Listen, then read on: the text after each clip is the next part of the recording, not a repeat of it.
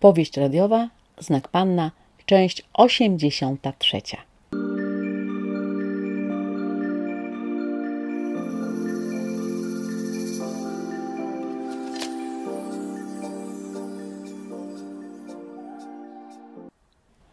A więc Marta miała wyjechać na staż dla nauczycieli. To rzadka okazja. Miała wątpliwości, czy powinna to zrobić. Wszak teraz, kiedy poznała Mikołaja, znów coś miało szansę się poukładać, a odległość temu niestety nie pomoże. A do tego te intrygi Brigitte. Ciągle nie wiedziała do końca, dlaczego ona upatrzyła sobie właśnie Martę. Z jakiego powodu nieznana jej osoba zadaje sobie tyle trudu, by kogoś zdyskredytować. Marta zastanawiała się także, czy ten kurs da jej wiedzę i umiejętności, których oczekiwała. Siedziała więc nad arkuszami aplikacyjnymi do projektu i wahała się, czy je podpisać i oddać dyrektorowi. Przymknęła oczy, ścisnęła lewą dłoń w pięść i złożyła podpis. Co ma być, to będzie, pomyślała. Zebrała dokumenty i wyszła na szkolny korytarz, pusty o tej zresztą porze i odbijający każdy dźwięk z siłą pudła rezonansowego. Kiedy Marta schodziła ze schodów, nagle usłyszała jakiś strzęp rozmowy. Tak, przecież wiem. Czy możesz dać już mi spokój?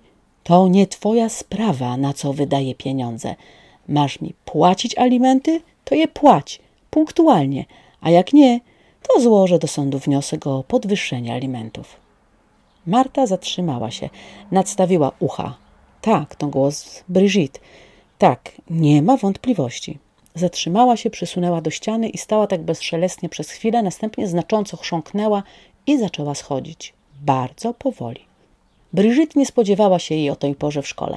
Marta starała się nie zdradzić żadnym gestem ani słowem, że usłyszała ten fragment rozmowy. Minęła się z Brigitte na schodach. Zauważyła tylko, że jej oponentka jest blada i że rozmazała jej się na ustach jej krwisto-czerwona pomadka. Brigitte nie miała ochoty nawiązywać z Martą żadnego kontaktu. Chciała szybko przejść koło niej i tyle. Nie wymieniły nawet spojrzeń. Głupia sprawa, pomyślała Marta. Niezręczna. Ale trudno. Mogła nie rozmawiać o swoich sprawach tak głośno i do tego w miejscu pracy. Marta skierowała swoje kroki do sekretariatu, zostawiła dokumenty. Kątem oka zauważyła tylko uśmiech sekretarki. Taki dyskretny uśmiech i raczej życzliwy. Wyszła ze szkoły. Na zewnątrz pachniało deszczem, a Marta od razu doznała jednego ze swoich skojarzeń.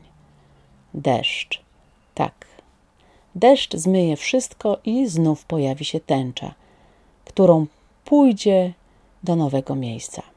I podbudowana tą myślą już nie zastanawiała się nad słusznością lub niesłusznością swoich decyzji.